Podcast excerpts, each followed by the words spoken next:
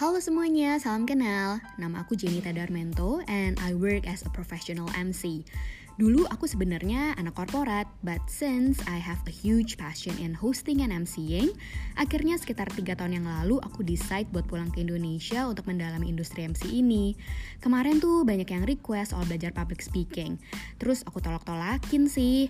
Um, kenapa? Karena berasa belum layak aja sih buat ngajarin orang. But after I think about it, kayaknya nggak ada salahnya deh sharing-sharing apa yang aku tahu soal public speaking.